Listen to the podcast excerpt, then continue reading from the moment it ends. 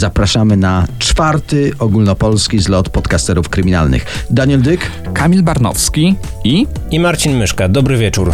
To ten gentleman z tajemniczym głosem, którego chyba nie trzeba przedstawiać. mówią o nim, że zawsze chodzi w cieniu, ale od czasu do czasu z tego cienia wychodzi i cieszę się, że wpadłeś do nas. No cześć, bardzo się cieszę, że możemy znowu porozmawiać o ciekawych i mrożących krew w żyłach historiach. I od razu tutaj takie pytanie, czy ty jako twórca o najdłuższej historii True Crime w Polsce jeszcze masz przyjemność ze słuchania podcastów kryminalnych?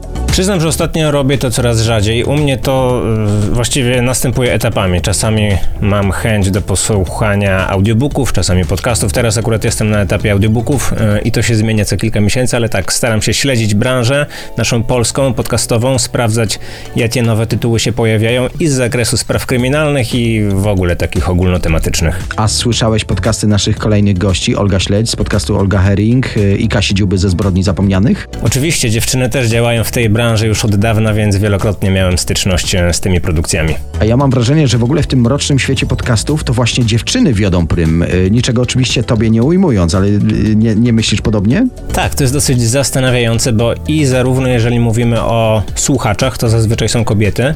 I jeżeli zobaczymy sobie, kto jest twórcą podcastów w Polsce, a w ogóle chyba i nawet na świecie, to zazwyczaj są to kobiety. Ciekawy trend, który również obserwuję, e, ale no jednak czasami jakiś rodzynek się pojawi. Marcinie, widzimy jak bardzo się rozwijasz. Czym Marcin Myszka zaskoczy nas w kolejnym roku? Jakie projekty chodzą ci po głowie? O których możesz powiedzieć oczywiście. Jest pewne ciekawe wydarzenie, które będzie mieć miejsce w nadchodzącym roku. E, tak jak wspomniałeś, wolałbym nie zdradzać na razie szczegółów, ale jestem pewny, że wszystkie zainteresowane osoby dowiedzą się o tym, e, gdy nadejdzie odpowiedni czas. Trochę tajemniczo, ale no, no tak to zazwyczaj bywa w tej branży. Halloween to taki wyjątkowy czas, w ogóle listopad jakoś tak bardziej sprzyja temu, żeby więcej czasu spędzać w domu, jest więcej czasu na serial, film albo książkę. No właśnie, poleciłbyś jakąś mroczną pozycję na te nadchodzące dni? Akurat jestem po seansie serialu Krew i bardzo mnie ten serial poruszył, bo i jest tam mnóstwo tajemniczości i jest tam sporo takich elementów, które e, skłaniają do refleksji, sporo smutku, też kilka razy się wzruszyłem, więc to jest serial, który zapamiętam na długo. Marcinie, y, to teraz absolutnie kluczowe pytanie. Czy przygotowałeś na dzisiejszy wieczór jakąś historię? Oczywiście, że tak, nie mogło być inaczej. Chciałbym Wam opowiedzieć o pewnych przypadkowych mordercach. To jest materiał, nad którym długo siedziałem, bo spędziłem kilka miesięcy nad researchem, więc poznałem te sprawy dosyć dogłębnie i chciałbym, abyście i Wy, i nasi słuchacze już za chwilę o niej posłuchali. No i mamy to y, i zostańcie z nami. Czwarty ogólnopolski zlot podcasterów kryminalnych dopiero się rozpędza.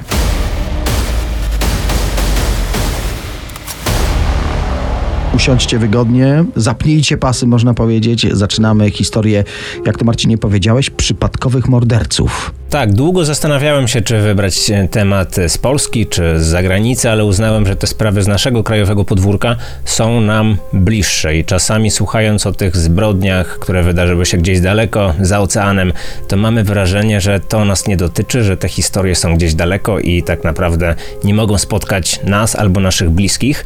Historia, o której opowiem, wydarzyła się no już nieco ponad 50 lat temu. Wszystko miało miejsce niedaleko Łodzi, niedaleko Konstantynowa Łódzkiego, małej miejscowości, ściślej mówiąc w lesie obok Ryszewa. Znaleziono tam e, taksówkę na poboczu drogi, była wbita w brzozę, maska i zderzak były wgniecione. Początkowo myślano, że był to jakiś nieszczęśliwy wypadek, ale okazało się, że e, w środku był kierowca, który został zastrzelony, więc było jasne, że e, został zabity. Mm, Śledczy zastanawiali się, jaki mógł być motyw tego zdarzenia, czy to była zemsta, czy rabunek, czy doszło tam do jakiejś kłótni. Co prawda to był las, tam nie było zbyt wielu świadków, ale mimo wszystko udało się dotrzeć do pewnych osób, które e, przekazały milicjantom ważne informacje. Jedna z kobiet e, opowiedziała, że widziała tą taksówkę, na chwilę przed tym, gdy doszło do zabójstwa i zapamiętała, że w środku siedziało dwóch młodych mężczyzn, więc milicjanci przyjęli, słusznie jak się potem okazało, że to właśnie ci dwaj młodzi mężczyźni byli sprawcami tej zbrodni. Istniała spora obawa, że no zrobią krzywdę komuś jeszcze. Mieli broń, byli nieobliczalni, zdesperowani, skłonni do wszystkiego, więc trzeba było działać szybko. Rozpoczęło się wielkie śledztwo i oględziny miejsca zdarzenia. Marcinie, zastanawiam się, czy ty nas jakoś y, celowo nie pozbawiasz suspensu, bo opowiedziałeś o wypadku, który okazał się zbrodnią, opowiedziałeś o dwóch młodych mężczyznach, którzy, jak y, wspomniałeś, okazali się zabójcami. Ta sprawa właściwie nie ma już przed nami żadnych tajemnic. E, wręcz przeciwnie, to był dopiero początek tych niefortunnych zdarzeń i zaraz przejdziemy to do drugiego etapu tej historii, bo faktycznie milicjanci obawiali się, że ci młodzi sprawcy mogą zaatakować ponownie, no i tak się też stało niestety. Oni zaraz po zabójstwie rozpoczęli ucieczkę. Najpierw wrócili do swojego domu, wzięli kilka rzeczy, wzięli broń, pepeszek, kolejną broń i uciekli na dworzec wsiedli w pociąg do Kalisza. Wybrali przypadkową stację, na której wysiedli. To był Ociąż, niewielka miejscowość. Stamtąd chcieli udać się do Jeleniej Góry. Pociąg odjeżdżał za dwie godziny.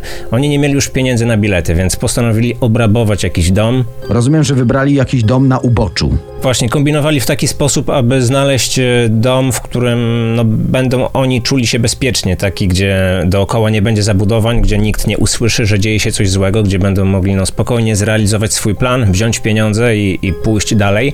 Długo tego domu szukali. To, co mnie w tej historii zatrważa, to jest ta przypadkowość. Na każdym etapie tej sprawy pojawia się przypadek, który decydował o życiu i śmierci niewinnych ludzi. I podobnie było w tym przypadku, gdy doszli do pewnego skrzyżowania.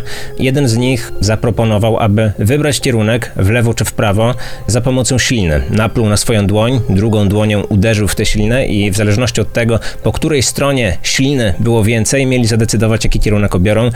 Padło na stronę lewą i padło na dom, który znajdował się w dalekiej odległości od wioski. Mieli pewność, że nikt im nie będzie przeszkadzać. Widzieli, że żarzy się tam jeszcze światło, więc podejrzewali, że domownicy albo szykują się do snu, albo już zasnęli. Poszli tam, aby obrabować dom, aby zdobyć pieniądze. To rzeczywiście ten motyw tego przypadku jest aż niewyobrażalny, a jak znamy historie kryminalne, efekt tego przypadku był zatrważający, prawda?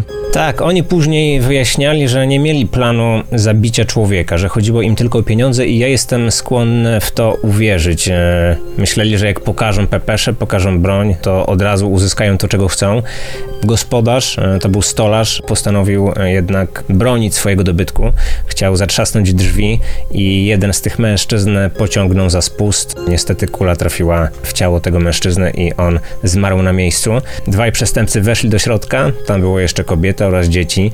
Im na szczęście nie zrobili krzywdy, mm, wzięli pieniądze, wzięli trochę kosztowności, jakieś jedzenie, przedmioty. Co ciekawe, chcieli upozorować wszystko na motyw polityczny, dlatego zwracali się do siebie pseudonimami. Porucznik Śmigły, porucznik Jaguar. Jeden z nich nawet dawał sygnały świetlne przez okno, aby upozorować, że ktoś tam na dworze na nich czeka, ktoś im pomaga, e, po to, aby kobieta, gdy oni już opuszczą ten budynek, żeby nie próbowała wezwać pomocy i po to, aby zmylić tropy, aby utrudnić pracę e, milicjantom. Śledczym udało się szybko połączyć kropki, połączyć e, te dwie sprawy? Tak, jak najbardziej. To było zbyt wiele na zbieg okoliczności. Dwie zbrodnie w niewielkiej odległości, w dodatku z użyciem broni palnej. Dwóch młodych sprawców, zarówno w jednym i drugim przypadku nie było mowy o tym, że, że te zdarzenia nie są ze sobą powiązane. Mamy dwóch młodych sprawców, mm, dwie zbrodnie, ale aby ich ścigać, należałoby ustalić ich tożsamość. Milicjanci dostali zadanie, aby wytypować młodych mężczyzn, którzy mogą być z tą sprawą e, związani. Jednym z tych wytypowanych mężczyzn był niejaki Janusz D. z Konstantynowa Łódzkiego. Podejrzenia w jego stronę padły z tego względu, że on był pasjonatem broni, fascynował się bronią, był w przeszłości karany za posiadanie broni, również za postrzelenie kolegi, miał za to wyrok, więc szybko podejrzenia padły w jego stronę. Jak się okazało, on oraz jego kolega, Kostek, zniknęli w dniu zbrodni i nikt nie wiedział, co się z nimi dzieje, więc y, uznano, że najpewniej to ci dwaj młodzi mężczyźni mieli związek e, z tymi zdarzeniami. Gdy pokazano ich zdjęcia żonie zamordowanego mężczyzny, która widziała sprawców, którzy włamali się do jej domu, od razu potwierdziła, że to właśnie oni tej nocy, tego wieczoru nawiedzili ich dom. Ich plan był taki, aby uciec na południe. Chcieli przez zieloną granicę z Czechosłowacją przedostać się poza granicę naszego kraju, potem wyjechać na zachód, gdzie mieli nadzieję prowadzić lepsze, ciekawsze, bogatsze życie.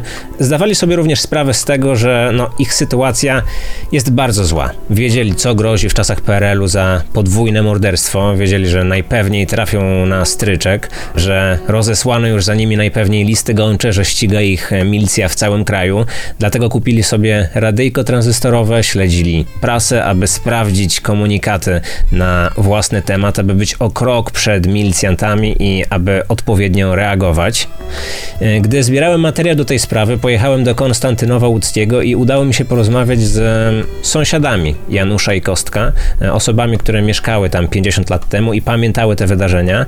I faktycznie, co prawda te osoby nie pamiętały szczegółów dotyczących sprawy, ale tę atmosferę złowrogą jak najbardziej. Mówiły, że nad głowami latały helikoptery, że wszędzie biegali milicjanci z psami, bo oczywiście oni uciekali na południe Polski, ale milicjanci nie mogli mieć pewności, że nie będą chcieli w jakimś momencie wrócić do swojego domu, e, mając broń do głowy, mogło im strzelić właściwie wszystko, byli nieobliczalni, niebezpieczni. Wspomniałeś o tym, że oni wyobrażali sobie, iż szukają ich właściwie wszyscy, że listy gończe, komunikaty w prasie. Mówisz o tych e, wielkich poszukiwaniach z helikopterów.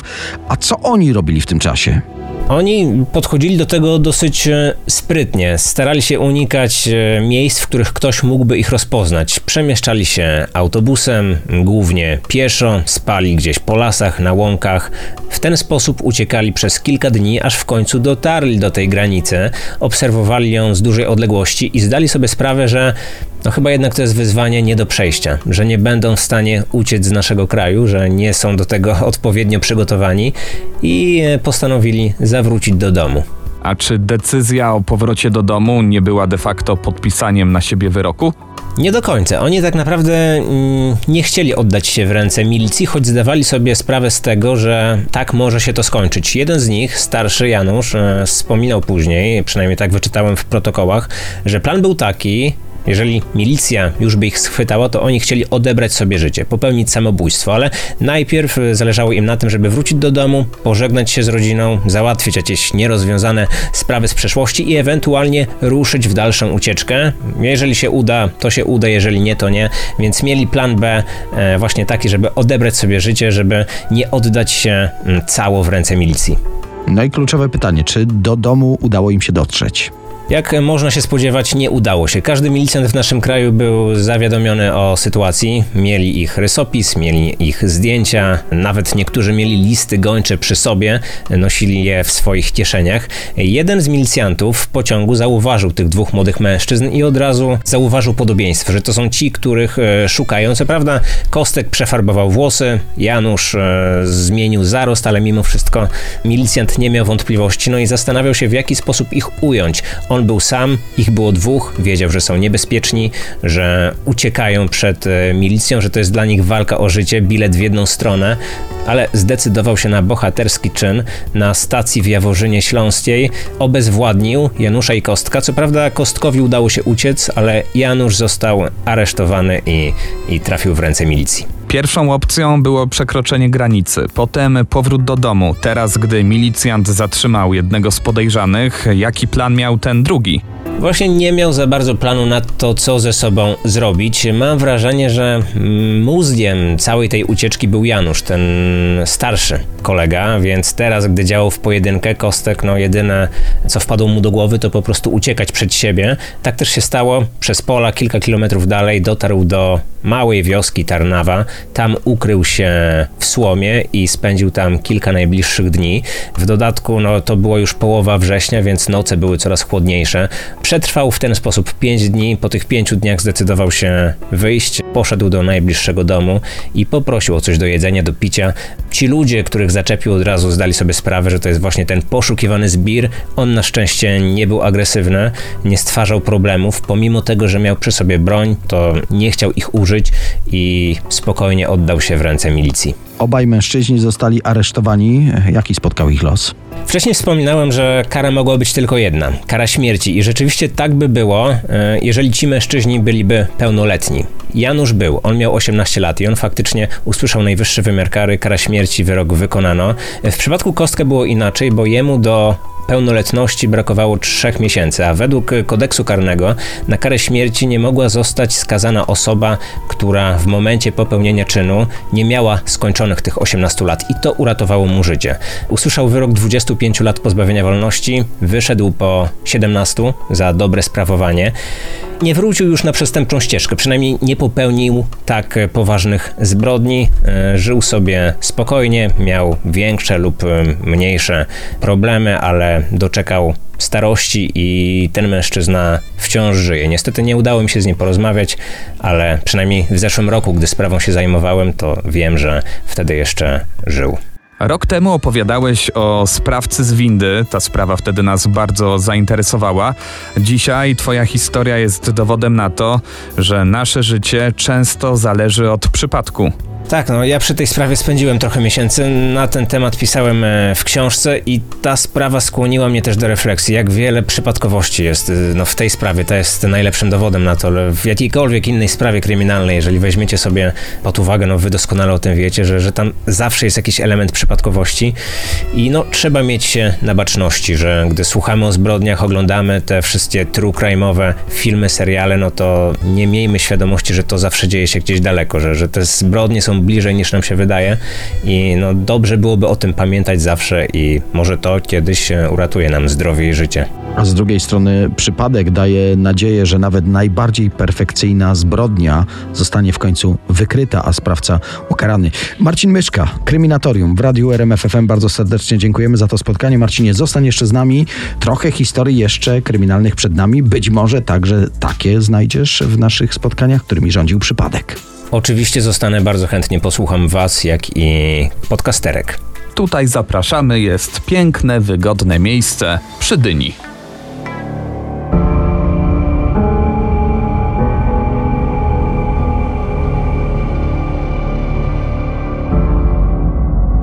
Dziś wieczorem z nami jest. Katarzyna Dziuba z kanału Zbrodnie Zapomniane. Dobry wieczór. Mam nadzieję, że nie denerwujesz się debiutem. Troszeczkę tak, ale mam nadzieję, że zaraz mi to przejdzie. Kasiu, bardzo cieszę się, że, że jesteś dzisiaj z nami. Ja również się cieszę i bardzo dziękuję za zaproszenie. Czułam się po prostu wyróżniona. Kasiu, od razu musimy zapytać, skąd u ciebie zainteresowanie podcastami i jak to się w ogóle zaczęło? No właśnie zaczęło się już w czasach dzieciństwa, co zabrzmi może troszeczkę dziwnie, aczkolwiek ja zawsze byłam typem dziewczyny, która na spotkaniach ze znajomymi gasiła światło, zapalała świeczkę i snuła takie straszne historie, można powiedzieć. Natomiast ja nigdy nie wchodziłam w tak zwane e, historie o duchach czy zmorach i upiorach, tylko ja zawsze opowiadałam o potworach e, w człowieku. I myślę, że tak mi chyba zostało po dziś dzień. Skupmy się teraz na nazwie Twojego kanału, Zbrodnie Zapomniane. No i tutaj pytanie, e, co w tych zamieszłych sprawach jest najbardziej interesującego? E, ten zapach żółtych gazet tak hipnotyzuje, że chce się do tych spraw wracać? Troszeczkę tak, ale moją ideą i moim celem e, założenia kanału podcastowego było opowiadanie historii, tak jak nazwa sama wskazuje, zapomnianych, czyli takich, o których nikt już nie pamięta. A siłą rzeczy najwięcej takich historii jest sprzed 100 lat. Czas skupić się na tym, co najważniejsze podczas naszego zlotu. Jaką historię na dzisiaj przygotowałaś? Opowiem Wam historię, która jest pełna zwrotów akcji, która jest bardzo niespodziewana, zaskakująca i tak naprawdę nie wiadomo do końca, co się wydarzyło, dopóki wszystkie karty nie zostaną odkryte. A co jest najważniejsze, to ta historia wydarzyła się prawie równe 100 lat temu, ponieważ pod koniec października 1923 roku. Myślę więc, że idealnie pasuje na dzisiejszy wieczór pełen grozy. A jakbyśmy mieli tak ją pokrótce chociaż e, nazwać, żeby naszych słuchaczy narzucić na mapę? Historia, którą Wam dzisiaj opowiem, w prasie, w międzywojennej prasie nazywana była masakrą w Ludwikowie. 23 października 1923 roku właśnie świtało. Na posterunku miejskiej policji w Łomży pojawiło się dwóch roztrzęsionych na oko 12-13-letnich chłopców. Dzieci z histerycznym płaczem opowiadają o tym, że właśnie tej nocy ich dom padł celem bandytów. Bandytów, którzy wymordowali całą ich rodzinę. Okropna zbrodnia, według słów obu chłopców, rozegrała się w nieistniejącym już dziś folwarku Ludwikowo. Są to tereny obecnej wsi Olszyny Kolonia. Kiedy funkcjonariusz przekroczył próg domostwa, okazało się, że na środku izby siedział nie kto inny jak Antoni Dzik, czyli głowa rodziny. Wspomniany leśnik Był widocznie roztrzęsiony, ale nie miał na sobie żadnego śladu, chociażby draśnięcia. Pomimo tego, że jego koszula była cała skąpana we krwi. Jak Antoni tłumaczył swój stan? Kilka tygodni temu otrzymał informację o śmierci swojego brata, który już od wielu, wielu lat mieszkał w Stanach Zjednoczonych. Wraz z tą informacją Antoni otrzymał również dość spory spadek. Według doniesień to była kwota 10 tysięcy dolarów. W przeliczeniu na obecne standardy to byłoby to prawie 200 tysięcy dolarów. No to na takie małe wakacje we Władysławowie, powiedzmy w sezonie, to już by dzisiaj wystarczyło, prawda? Myślę, że nawet więcej. Natomiast weźmy pod uwagę, że w tamtych naprawdę ubogich i ciężkich czasach to była jeszcze większa fortuna. Ta informacja, tak jak to zwykle w małych miasteczkach bywa i w małych wsiach bywa, rozeszła się lotem błyskawicy. Cała wieś i cała okolica huczała o tym, że leśnik z Ludwikowa wkrótce będzie bogaczem. No tak, wszyscy o wszystkim wiedzą. O drugiej w nocy Antoni usłyszał niepokojące głosy dochodzące z podwórka. Po chwili usłyszał również odgłos broni palnej. Domyślił się, że najprawdopodobniej są to bandyci, którzy zastrzelili psa stróżującego. Spoglądając przez okno, dojrzał sylwetki trzech mężczyzn. Trzech napastników. No to pewnie musiał uznać, że nie ma z nimi szans. Antoni wiedział, że to już jest za późno, żeby uciekać. Dlatego jedyne co zrobił i na jaki pomysł wpadł, to schował się pod łóżkiem, mając nadzieję, że bandyci nie będą na tyle pozbawieni skrupułów, żeby skrzywdzić kobiety i dzieci. Ale niestety się przeliczył. Kiedy jego żona nie wskazała bandytom miejsca ukrycia gotówki, bo też tak naprawdę nie było czego wskazać, bo te e, dolary jeszcze nie spłynęły z Ameryki, to bandyci, prawdopodobnie sfrustrowani nieudanym napadem, zaczęli mordować wszystkich mieszkańców domostwa. 13-letni Aleksander, syn Antoniego oraz jego rówieśnik Staś Szewczyk, był to syn gospodyni, uniknęli niechybnej śmierci, ponieważ w chwili napadu spali w osobnym pomieszczeniu. Przerażony Olek uciekł przez okno, a Staś zakopał się w pościeli w taki sposób, że pozostał niezauważony. Kiedy bandyci odeszli, Antoni nakazał chłopcom zawiadomić policję o sytuacji. Masakra w Ludwikowie wywołała ogromne poruszenie wśród lokalnej ludności. Przeczesano całą okolicę w promieniu 10 kilometrów. Wszyscy mieli nadzieję, że jeżeli zareagują tak szybko, to być może uda się znaleźć bandytów oraz zrabowane przedmioty. Niestety niczego nie znaleziono. Sprawa najprawdopodobniej pozostałaby nierozwiązana, gdyby nie pewien przypadek. Kiedy funkcjonariusz policji po raz kolejny udał się do Ludwikowa, żeby porozmawiać z Antonim, przyłapał mężczyznę na gorącym uczynku. Leśnik wsadził swojego 13-letniego syna do wiadra i z impetem spuścił w dół studni. Dzięki szybkiej interwencji chłopaka udało się uratować. Sam Aleksander uświadomił sobie, że właśnie padł ofiarą swojego ojca. Stwierdził, że tym razem nie będzie już kłamał. Chce opowiedzieć całą prawdę o napadzie sprzed kilku dni. Żadnych bandytów nie było. Jedyną osobą odpowiedzialną za całą masakrę była głowa rodziny, Antoni Dzik. Olek opowiedział śledczym, że widział wszystko przez dziurkę od klucza. Widział, jak ojciec najpierw strzela do matki i babki, a potem jak gania jego rodzeństwo z siekierą. Ale wszystko byłoby zbyt proste, gdyby skończyło się to w taki sposób, prawda? Okazało się, że nagle Antoni stwierdził, że miał wspólnika. Owszem, zabił swoją rodzinę, ale tak naprawdę był zachęcony do zbrodni przez niejakiego Franciszka Piechocińskiego, mieszkańca sąsiedniej wsi. Dlaczego Piechociński miałby chcieć zamordować rodzinę Antoniego? Podobno mężczyzna zamarzył sobie, żeby jego córka Jadwiga wyszła bogato za mąż. A skoro Antoni miał niebawem otrzymać pokaźny spadek, no to też trudno było tutaj znaleźć lepszego kandydata na męża. A że Antoni ma już rodzinę, no trudno, trzeba się jej w jakiś sposób pozbyć. Piechocińskiego i jego córkę Jadwigę aresztowano. Ojciec i córka spędzili w areszcie pół roku, kiedy w końcu wyszło na jaw, że nie mieli nic wspólnego ze zbrodnią. Ale skoro to nie córka Piechocińskiego była motywem tej zbrodni, to co? Tego niestety również do końca nie wiadomo, bowiem Antoni Dzik nigdy nie zdradził swoich motywacji. Aczkolwiek są tutaj pewne spekulacje. Okazało się, że Antoni miał romans ze swoją gosposią, Heleną Szewczyk. Mało tego, okazało się, że pozostawiony z rodziną dzików 13-letni Staś Szewczyk tak naprawdę jest dzieckiem Antoniego. Jego romans z Heleną trwał więc od wielu, wielu lat. Prawdopodobnie to wizja dolarów, które miały spłynąć do niego z Ameryki, ostatecznie przekonała go do zbrodni. Jesteśmy już bardzo ciekawi, jak kończy się ta historia. Antoni Dzik został skazany na karę śmierci przez rozstrzelanie. Przy tej historii to nawet te najstraszniejsze kinowe horrory są spokojnymi i przyjemnymi filmami. Jak zawsze życie pisze najbardziej niespodziewane historie, a przedwojenna Polska skrywa przecież wiele takich przypadków. Zbrodnie zapomniane, Katarzyna Dziuba, bardzo serdecznie dziękujemy, że podzieliłaś się z nami tą właśnie historią w ten wyjątkowy wieczór. Rozumiem, że zostaniesz jeszcze z nami, by posłuchać Olgi, by posłuchać tego, co i my przygotowaliśmy na dzisiejszy wieczór. Ależ oczywiście, że tak. Super, nie odchodźcie od radia, za chwilę kolejna z naszych gościń dziś wieczorem i mamy nadzieję, że równie wielkich emocji przysporzy Wam kolejna opowieść. Zostańcie z nami. Kasiu, w barku na ciebie czekają y, ciepła herbata, y, tam też jest na krześle y, ciepły koc, także proszę się rozgościć. Jasne, dziękuję. Sceny zbrodni jak co roku zaprosiły najpopularniejszych podcasterów kryminalnych z całej Polski do nas przyjeżdżali. Jest z nami Olga Śledź z podcastu Olga Herring. Ty konkretnie z Katowic. To Z daleko Katowic. nie miałaś, droga rozumiem szeroka. Szybciutko, ale autostrada znowu w remoncie. Jak to autostrada? Tak, znamy tę A4. I to nasze drugie spotkanie podczas zlotu podcasterów, jak wspominaliśmy. Patrząc na ilość i długość Twoich publikowanych materiałów, zdecydowanie można powiedzieć, że no nie próżnowałaś. Lubię maratony. Czy ja dodam i jakość. Tak, tak, Ja. tak, tak, tak. Lubisz maratony?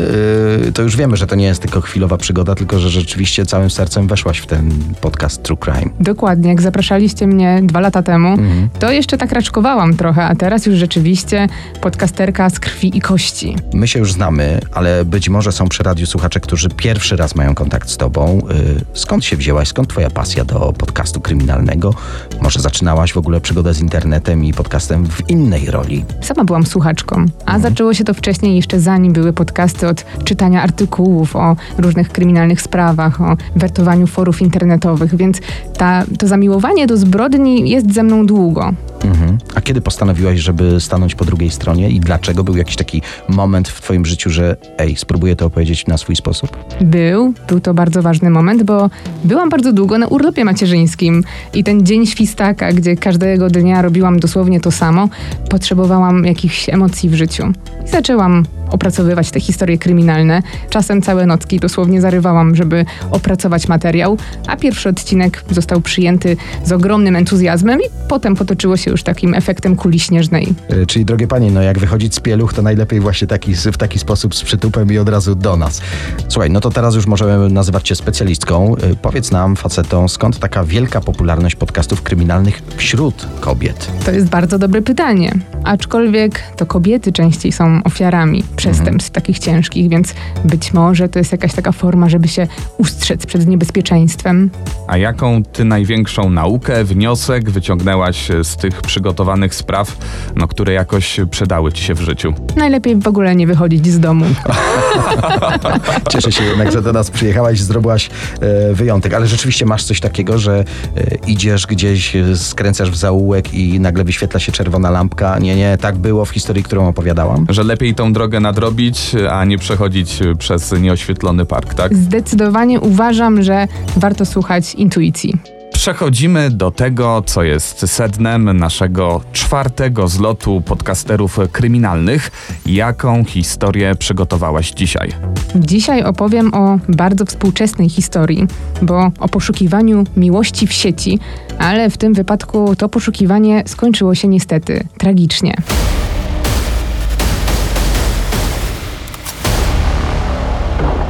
Na tak zwanym poza anteniu powiedziałaś nam, że historia, o której nam teraz opowiesz, podobna jest do sprawy oszusta z Tindera, o którym powstał głośny film. Prawda? Możliwe, że byłaby to historia o oszuście z Tindera, tylko że wtedy nie było jeszcze Tindera. No to szybko przygaszamy światła w studiu, robimy halloweenowy nastrój i zamieniamy się w słuch. Cała historia zaczyna się w 2005 roku w Warszawie, gdzie mieszka 31-letnia Edyta. Młoda kobieta, która pochodzi z Łowicza, ale której udało się wyrwać z mniejszej miejscowości i przeprowadzić do Warszawy. Tu już od kilku lat pracuje jako księgowa w dużej zagranicznej firmie i nie tylko robi to, co lubi, ale też świetnie zarabia. Ma swoje mieszkanie, które kupiła za własne pieniądze, ma samochód, sporo znajomych i kochającą rodzinę. No, czyli można powiedzieć, ma wszystko. Prawie wszystko, bo już od dawna brakuje jej drugiej połówki. Zaczyna też czuć presję, którą sama sobie narzuca, bo widzi, że dookoła wszyscy znajomi się zakochują, zakładają rodziny, a ona nie może nikogo poznać. Z pomocą przychodzi jednak jej przyjaciółka, Violetta, która podsuwa jej pewien pomysł. Teraz ogromną popularnością cieszą się różnego rodzaju portale społecznościowe, ale też portale randkowe. Wiola opowiada Edycie, że sama poznała tak swojego ukochanego, czyli przez internet i że może i ona powinna poszukać miłości w sieci. Domyślamy się, że Edyta y, nie jest zachwycona takim pomysłem na znalezienie miłości. Rzeczywiście nie, bo to nie jest w jej stylu. Jest tradycjonalistką, może nawet uważa się za trochę staroświecką, no ale z drugiej strony koleżanka przekonuje ją, że przecież może założyć konto i w każdej chwili je usunąć. Edyta to księgowa, zaczyna wszystko kalkulować i ostatecznie przełamuje się. Dodaje anons na portalu randkowym, gdzie pisze kilka słów o sobie i gdzie dodaje swoje zdjęcie. Na odzew nie czeka długo, bo prawie od razu zaczynają napływać odpowiedzi. I pewnie, jak to zwykle bywa, na początku pojawia się pewnego rodzaju rozczarowanie Dokładnie do tak. kawalerów. Dokładnie tak. Bo mężczyźni, którzy do niej piszą, albo nie są w jej typie, albo piszą fatalnym językiem, a inni ewidentnie szukają znajomości na jedną noc. Edyta tylko się upewnia, że próbowała wszystkiego, no i chce usunąć konto. Znając sprawy kryminalne, to pewnie coś na koniec dnia ją tam zatrzymuje, tak? Pojawia się impuls i 19 sierpnia 2005 roku o godzinie 13.20 na jej skrzynkę przychodzi wiadomość od mężczyzny o tajemniczym niku Attila. Dlaczego właśnie jego wiadomość powstrzymała ją od usunięcia konta? Wyróżnia się. Jest napisana piękną polszczyzną, ze zdjęcia uśmiecha się przystojny mężczyzna o silnie zarysowanej szczęce. Widać też, że coś ćwiczy. Edyta po raz pierwszy jest żywo kimś zainteresowana.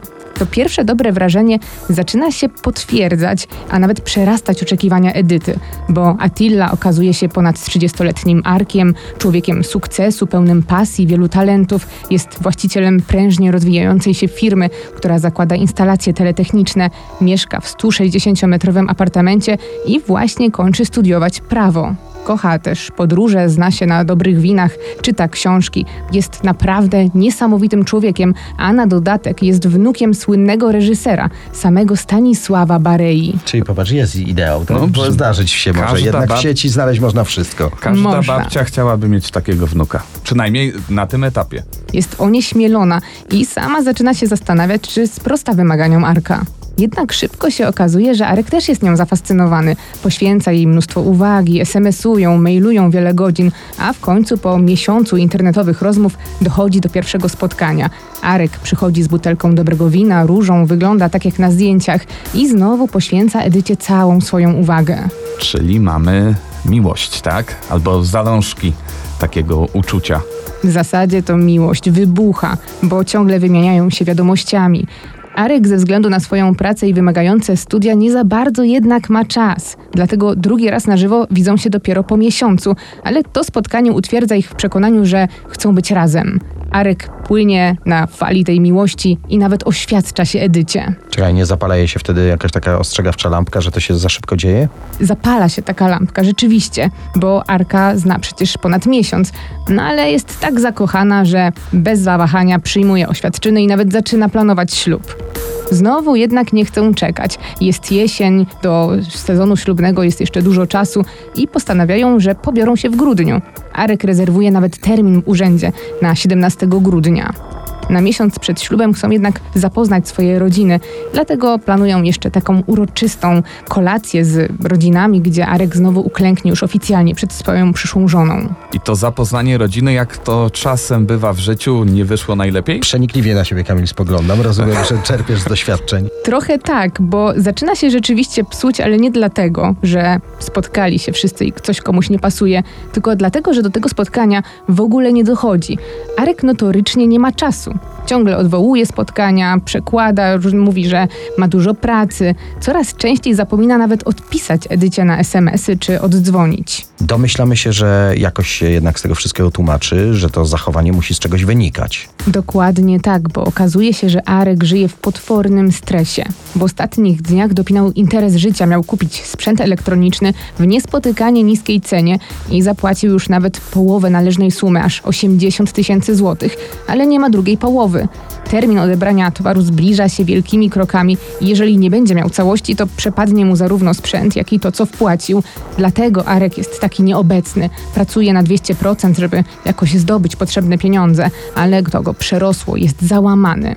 Edyta oczywiście bardzo chce pomóc ukochanemu, ale nie ma takich pieniędzy. Arek oczywiście to rozumie i zaczyna godzić się z tym, że zostanie bankrutem. Jednak sytuacja nagle się zmienia, gdy Edyta otrzymuje tajemniczego maila. Na jej skrzynkę przychodzi wiadomość od byłej Arka, jego dawnej wielkiej miłości, która zostawiła go i złamała mu serce. Teraz pisze do Edyty i informuje ją, że chce go odzyskać i że ma na to plan, bo uratuje Arka przed finansową klęską i to ona da mu pieniądze, których teraz tak bardzo potrzebuje. Okej, ja zaczynam się już domyślać, jak, w jaki sposób ta wiadomość wpłynęła na Edytę. Niestety Edyta czuje się zagrożona i Oczywiście. poddaje się, boi się, że jeżeli Anna pomoże teraz Arkowi, to obudzą się w nim dawne uczucia i ją zostawi. Chce uprzedzić Annę i rusza najpierw do jednego banku, potem do kolejnego. W obu zaciąga spore kredyty. Odzywa się też do bliskich, do znajomych, pożycza nawet pieniądze od siostry, która kilka miesięcy wcześniej brała ślub. Ostatecznie, czyszcząc konto oszczędnościowe i zapożyczając się wszędzie, gdzie się da, Edyta zbiera prawie całą kwotę, jakiej potrzebuje Arek i to dosłownie w ostatnim momencie. Wielki dzień nadchodzi w czwartek 10 listopada, tuż przed długim weekendem. To dzisiaj ma dojść do zamknięcia transakcji i Arek rusza, żeby odebrać sprzęt. Dzięki Edycie ma drugą połowę pieniędzy, a zysk ze sprzedaży elektroniki sprawi, że zwróci wszystko i to z nawiązką, a przy okazji teraz już wie, że Edyta jest mu prawdziwie oddana. Kilka godzin później napływają cudowne wieści. Pieniądze są przekazane, a Arek wraca już ze sprzętem. Mogą świętować i ze spokojną głową planować grudniowy ślub. Ale to jest podcast kryminalny i nie byłoby nas tutaj, jeśli w tej historii na tym etapie byłby jakiś happy end. Dokładnie, dzieje się coś dziwnego, bo mija ten długi weekend, nadchodzi poniedziałek, a mama Edyty orientuje się, że od kilku dni nie potrafi skontaktować się z córką. Pani Alicja przez cały weekend próbowała się do niej dodzwonić, jednak bez skutku. Dzisiaj, w poniedziałek, dzwoni do firmy, w której pracuje Edyta i dowiaduje się, że zawsze poukładana i sumienna księgowa nie pojawiła się w pracy i to bez uprzedzenia. Jak reaguje rodzina? Natychmiast rusza do jej mieszkania. Myślą, że może coś jej się stało, jednak w środku nikogo nie ma. Sprawdzają u znajomych, rozpytują każdego, ale trop urywa się w czwartek. Przyjaciółce Edyty Wioli przypomina się nawet, że Edyta miała wczoraj, czyli w niedzielę, przymierzać suknie ślubne, ale okazuje się, że nie pojawiła się w salonie. Już nie ma wątpliwości, że coś jest nie tak, dlatego rodzina rusza na policję, gdzie dosłownie wpadają na Arka. Dopiero teraz widzą go po raz pierwszy, a tak naprawdę to Arek rozpoznaje panią Alicję, bo kojarzy ją ze zdjęć. Rodzice od razu pytają, gdzie jest Edyta, ale mężczyzna odpowiada, że sam chciałby to wiedzieć, bo uciekła z jego pieniędzmi. Czyli tak jak przeczuwałem, to pierwsze spotkanie tych przyszłych bliskich, no zdecydowanie nie jest z kategorii tych miłych. Absolutnie nie. Arek na korytarzu wykrzykuje do rodziny Edyty, że to oszustka, która okłamuje wszystkich i że wcale nie biorą żadnego ślubu. Bliscy Edyty są w szoku. Skołowana jest też policja. Jednak po rozmowie okazuje się, że Arek tłumaczy im wszystko w sposób rzeczowy i logiczny. Pokazuje nawet umowę, zgodnie z którą pożyczył Edycie dużą sumę pieniędzy. Nie wiadomo teraz komu ufać. Czy to rodzina ma rację, że coś stało się kobiecie, czy może jej znajomy rzeczywiście został okradziony, a Edyta nie zaginęła, a uciekła z pieniędzmi. Policja musi ustalić, kto kłamie. Najpierw sprawdzają Edytę. Okazuje się, że to kobieta, która nigdy nie była karana, jest ustatkowaną młodą kobietą z dobrą pracą. W jej życiu nigdy nie działo się nic dziwnego, oprócz ostatnich dni, kiedy to pożyczyła z banku i od znajomych ponad 70 tysięcy złotych.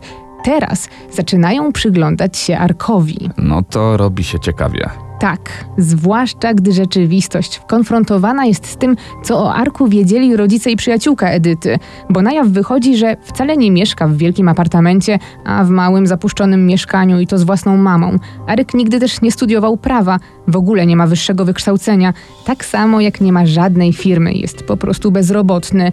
Nie jest też wnukiem Barei, to tylko zbieżność nazwisk, a jego rodzina nie mieszka we Włoszech. Wszystko, co opowiadał, okazuje się być kompletnym kłamstwem. Śledczy szybko rozumieją, że to nie może być przypadek. W pokoju Arka, w tym ogromnym bałaganie, odnajdują kilka książek, a wśród nich anatomię człowieka czy kryminologię. Znajdują też dyskietki z folderami poświęconymi seryjnym zabójcom i poradniki, jak uwodzić kobiety. Znajdują też umowę wynajmu kawalerki w Warszawie i od razu ich to zastanawia. Dlaczego ktoś, kto nawet nie ma pracy, płaci za mieszkanie w stolicy, podczas gdy mieszka w innym ze swoją mamą? No, pewnie chodzi o pranie, ale zakładam, że policjanci sprawdzili kawalerkę, na co tam trafili. Otwarta zostaje puszka Pandory. Okazuje się, że Arek nie był wzorowym wynajmującym. Sąsiedzi skarżyli się, że mimo listopadowej aury i ujemnych temperatur, wszystkie okna w mieszkaniu były pootwierane przez kilka dni. Całe mieszkanie sprawia jednak wrażenie, jakby nikt tam w nim nie mieszkał. Nawet telewizor czy lodówka nie są podłączone do prądu, a mimo tego licznik wskazuje, że w ciągu zaledwie kilku dni zużyto tu prawie tysiąc litrów wody. Po co więc było Arkowi to miejsce? Niestety, po przesłuchaniu setek podcastów kryminalnych, odpowiedź na to pytanie nasuwa się sama, tak? Dokładnie, szczególnie gdy policjanci zauważają odbarwione fugi w łazience od szorowania jakimś silnym detergentem, czy smugi po świeżym malowaniu na suficie. Z mieszkania zniknęła też duża meblościanka, a w jednej z szafek stoją ulubione perfumy Edyty i jej bransoletka.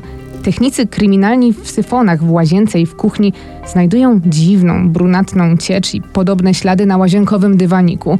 Wszystko to zostaje pobrane do badań, ale zanim te nadejdą, udaje się ustalić, że 10 listopada, czyli w dniu, kiedy po raz ostatni widziana była Edyta, zarówno jej telefon, jak i telefon Arka logował się w okolicy tajemniczej kawalerki. Czyli cały ten misternie ułożony domek z kart zaczyna się po prostu sypać. A ogrom kłamstw przytłacza, szczególnie kiedy jasne staje się, dlaczego Arek był rzekomo taki zapracowany. Bo w czasie, gdy był zaręczony z Edytą, romansował z jeszcze dwudziestoma trzema innymi kobietami, a każdej z nich sprzedawał inne kłamstwa. Śledczy docierają też do Anny, która rzeczywiście istnieje, ale absolutnie nie wysłała żadnego maila do Edyty.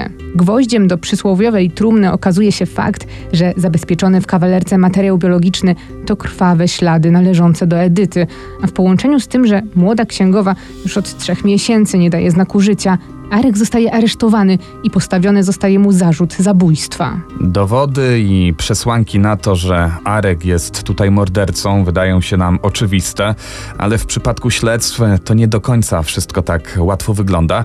Jak dokładnie jest w tym wypadku? Niestety w tym jest podobnie, bo nikt nie potrafi odnaleźć Edyty ani żywej, ani martwej.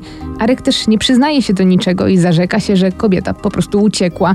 Za kratami udaje osobę niepoczytalną, ale biegli psychiatrzy nie dają się na to nabrać i śledztwo i poszukiwania ciała trwają jeszcze trzy lata. Teraz lepiej rozumiemy, dlaczego na dzisiejszy wieczór wybrałaś tę sprawę. Wiemy, że jest to twój konik, czyli procesy poszlakowe. Dokładnie tak. Jest to proces poszlakowy i ostatecznie po wielu sądowych perypetiach, po odwlekaniu wydania wyroku, po dziwnych zdrowotnych przypadłościach Arka, no i pomimo tego, że nie mamy ciała, zebrany materiał dowodowy okazuje się być miażdżący dla Arka i w 2016 roku, dopiero po 11 latach, bo tyle trwało to wszystko, żeby udało się ustalić winę, Arek zostaje prawomocnie skazany na karę dożywotniego pozbawienia wolności za zabójstwo swojej narzeczonej. Teraz na świat patrzy z krat, mimo że do dzisiaj nie znaleziono ciała młodej księgowej z Warszawy. Po tej historii nasi słuchacze będą chyba zdecydowanie inaczej patrzeć na wszelkie aplikacje randkowe. Olga Śledź, e, fajnie spędziliśmy z tobą wieczór, chociaż straszne historie nam opowiedziałaś. E, Została nam jeszcze nasza historia do opowiedzenia dziś wieczorem. Zostaniesz, żeby posłuchać? Nie mogę się doczekać.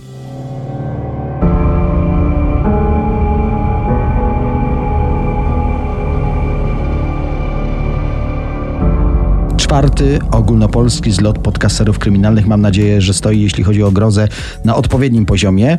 Nasi goście w doskonałych humorach. Zauważyłeś, że jak wychodzą z roli podcastowych, bardzo mili, sympatyczni ludzie, uśmiechnięci. Jakby powiedziała moja babcia, tacy niepozorni. Tacy, tak, dokładnie tacy niepozorni. Ciekawe, czy mogą tak powiedzieć również o nas. W każdym razie, teraz to my przybieramy te złowrogie maski, przyciemniamy światło w studiu. Ale nie za bardzo, tutaj tak już nie przesadzamy, bo Dość jest już strasznie, masz rację. zgadza się. W każdym razie powiemy o najsłynniejszym straszydle halloweenowym, o Boogiemanie. Dla amerykańskich dzieci to hasło jest czymś w rodzaju naszej słowiańskiej baby Jagi.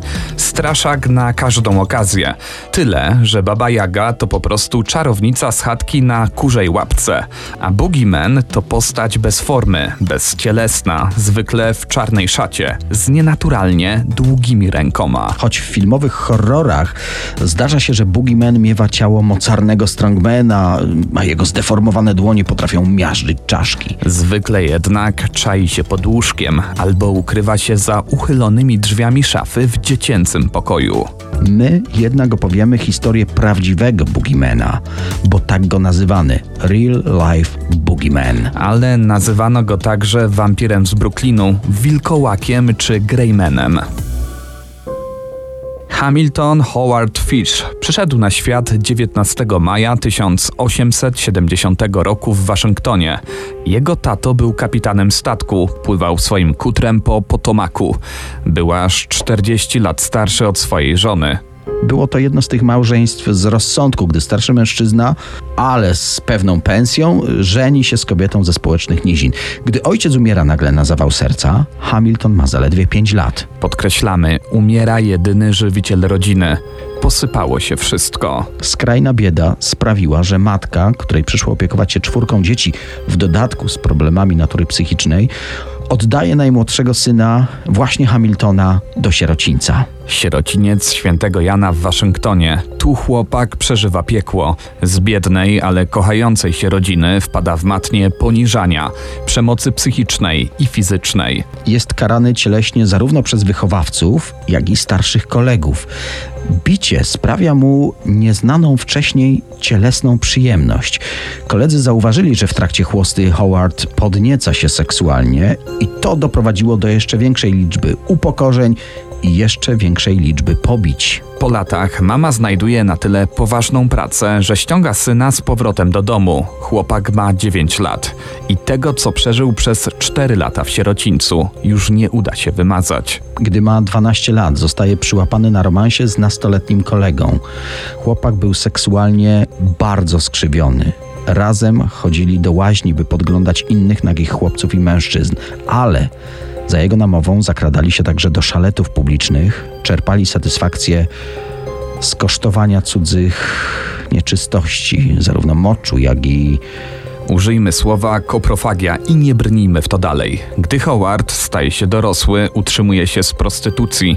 W wieku 20 lat przenosi się na ulicę Nowego Jorku i to dosłownie na ulicę, bo tu szuka okazji do zarobku w mrocznych zaułkach, przy śmietnikach. ale to jedna strona jego egzystencji.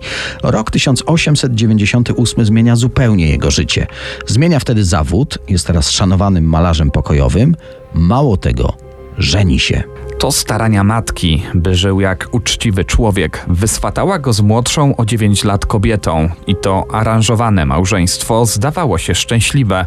Para doczekała się aż sześciorga dzieci. Ale to jedna strona, ta bardzo oficjalna, jeśli chodzi o małżeństwo, przykładny ojciec i mąż. Wtedy też jednak zaczął napadać na ulicy na dzieci. Interesowali go głównie chłopcy i to tacy poniżej 6 lat. Albo ich przekupywał słodyczami lub w inny sposób wabił w ustronne miejsca, albo stosował przemoc, porywał ich po prostu z ulicy, gdzie się bawili, zaciągał w jakiś zaułek i tam brutalnie wykorzystywał. W czasie swojego małżeństwa, jak się nieoficjalnie podaje, zgwałcił około setki dzieci. W końcu trafił do więzienia, ale nie za gwałty, a za defraudację. Więzienie okazało się dla niego nie takim złym miejscem. Miał wielu kochanków, a znęcanie się przez współwięźniów czy strażników traktował jako masochistyczną przyjemność. Wyszedł z więzienia i znów grał rolę przykładnego męża. Po godzinach porywającego i wykorzystującego spotkane przypadkowo dzieci.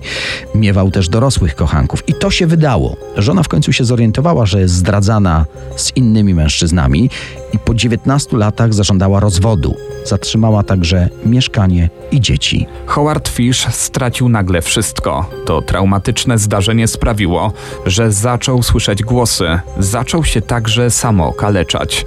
Jedną z form tortur, którą sam sobie zadawał, było owijanie się ciasno w dywan. Po kilku godzinach związania i unieruchomienia doznawał wielkiego cierpienia, ale i satysfakcji seksualnej. Skonstruował także osobliwe narzędzie tortur dla samego siebie. Przebił gwoźdźmi na wylot wiosło i tym wiosłem się okładał, ranił do krwi, zadawał sobie ból, ale i przyjemność. Nakazał także swoim dzieciom, by biły tatę tym wiosłem. Wbijał sobie w ciało dla tortury ostre przedmioty, pod paznokcie czy w okolice pachwin. Podczas jednej z wizyt w szpitalu zdjęcie rentgenowskie wykazało, że ma wbitych w okolicach miednicy aż 29 igieł i gwoździ. Zmienił także dietę, o czym jego dzieci doniosły byłej żonie. Tata zaczął jadać surowe mięso. Po jakimś czasie okazało się, że nie było to mięso zwierzęcego pochodzenia. Albert Fish był gwałcicielem, sadystą, masochistą o wielu, wielu dewiacjach seksualnych. Wciąż chciał czegoś nowego, pragnął przekraczać kolejne granice. W końcu został kanibalem ale musimy się przenieść w tej historii do roku 1910. Ma 40 lat i wtedy morduje po raz pierwszy. Albert Fish spotyka się wówczas z nastoletnim Tomasem. Panowie mieli romans, ale musimy zaznaczyć, że młody kochanek był upośledzony umysłowo. Albert manipulował nim i czerpał z tego satysfakcję. Ich relacja już po kilku dniach zmieniła się w brutalny, sadomasochistyczny związek. Ale Albert chciał więcej. Fish zaprosił swojego kochanka do wiejskiej chaty na uboczu. Tu związał go i zaczął torturować. Poddawał go niewyobrażalnym męczarniom, które przeciągnęły się do dwóch tygodni. Planował zabić chłopaka i w kawałkach przenieść go do swojego domu. Część chciał zjeść, ale panował akurat straszliwy upał i Fish uznał, że mięso bardzo szybko by się zepsuło, a tym samym mogłoby zdradzić jego uczynek. Poprzestał na tym, że obciął swojemu kochankowi część przyrodzenia. Niepełnosprawny chłopiec zweł z bólu tak przejmująco, że Fish postanowił go jednak oszczędzić. Zdezynfekował ranę, by nie doszło do zakażenia i zostawił jako odszkodowanie 10-dolarowy banknot. Jeszcze pocałował chłopaka na do widzenia. Odjechał, nie zastanawiając się, czy kochanek przeżyje, czy nie. Jego los oficjalnie nie jest znany, ale trafiliśmy na informację, że nie udało mu się z tego wyjść cało. Dziewięć lat później zadźgał kolejnego nastolatka, ale prawdziwa bestia wyszła z niego w 1924 roku. Namówił ośmioletnią Beatrice, by pomogła mu na grządkach rabarbaru. Miała za to dostać trochę pieniędzy. Dziewczynka już wychodziła ze swojego obejścia, gdy zauważył ich ojciec Beatrice. Na szczęście zawołał córkę. Albert Fish nie chciał dać za wygraną. Obsesyjnie pragnął zrobić tej małej dziewczynce krzywdę. Zakradł się więc nocą do chaty, w której spała, ale znów uratował ją ojciec. Spał czujnie, przebudził się i zapobiegł tragedii pobił Fisza tak dotkliwie, że ten już nie wrócił. Ale obsesja pozostała. W 1928 trafił na ogłoszenie w prasie. Jakiś chłopak oferował swoje usługi. Zjawił się w jego domu. Chciał go niby zatrudnić, a tak naprawdę wykorzystać i zamordować. Zmienił jednak zdanie, gdy zobaczył dziesięcioletnią siostrę chłopaka Grace. Przez kilka dni wzbudzał zaufanie tej rodziny, aż w końcu wymyślił opowiastkę, że jego siostrze ma urodziny, wyprawia przyjęcie, no i Grace jako rówieśnica może pójść. Tak zmanipulował rodziców, że się zgodzili już nigdy nie ujrzeli córki. Do aresztu za to porwanie trafił nawet jakiś inny podejrzany. Za to sześć lat później rodzice porwanej dziewczynki otrzymali list, w którym nadawca, anonim, opisał jak zamordował ich córeczkę. Opisał ze szczegółami. Udusiłem ją Potem pociąłem na drobne kawałki. Zanosiłem jej części do swojego mieszkania. Gotowałem je i zjadałem kawałek po kawałku. Jak słodka i delikatna była upieczona w piekarniku. Zajęło mi 9 dni zjedzenie jej w całości. Dodam, że mama dziewczynki nie potrafiła czytać. Poprosiła więc, by ten list, jak zwykle, przeczytał jej syn. Ten list został napisany na papeterii jednej z firm. Widniało tam jej logo. Śledczym udało się dotrzeć do dozorcy, który pracował w tej firmie i podwędził tę papeterię. Opisał dokładnie, co się z nią stało. Otóż zostawił ją w mieszkaniu, gdy się przeprowadzał. Policjanci przeszukali je i aresztowali ostatniego wynajmującego ten pokój. Okazał się nim Albert Fish. Błyskawicznie przyznał się do zamordowania Grace Budd. Zdjęcia tego bezwzględnego mordercy kanibala opublikowała prasa. Rozwieszono je także w nowojorskich tramwajach. Pojawiali się świadkowie, którzy rozpoznali tego mężczyznę i powiązali go z innymi uprowadzeniami i gwałtami na nieletnich. Te dzieci, które przeżyły, opowiadały, że uprowadził ich starszy człowiek, Boogeyman. I tak właśnie zaczęła go nazywać prasa. Albert Fish przyznał się do dwóch zabójstw dzieci, do gwałtów, do kanibalizmu. Choć zasłaniał się niepoczytalnością, że to głosy kazały mu robić to wszystko, sędzia nie miał żadnych wątpliwości co do jego winy. Po dziesięciu dniach procesu ogłosił wyrok. Śmierć na krześle elektrycznym. Wtedy Fish opowiedział o jeszcze jednym morderstwie, ale podejrzewano, że najcięższych zbrodni mogło być kilkadziesiąt.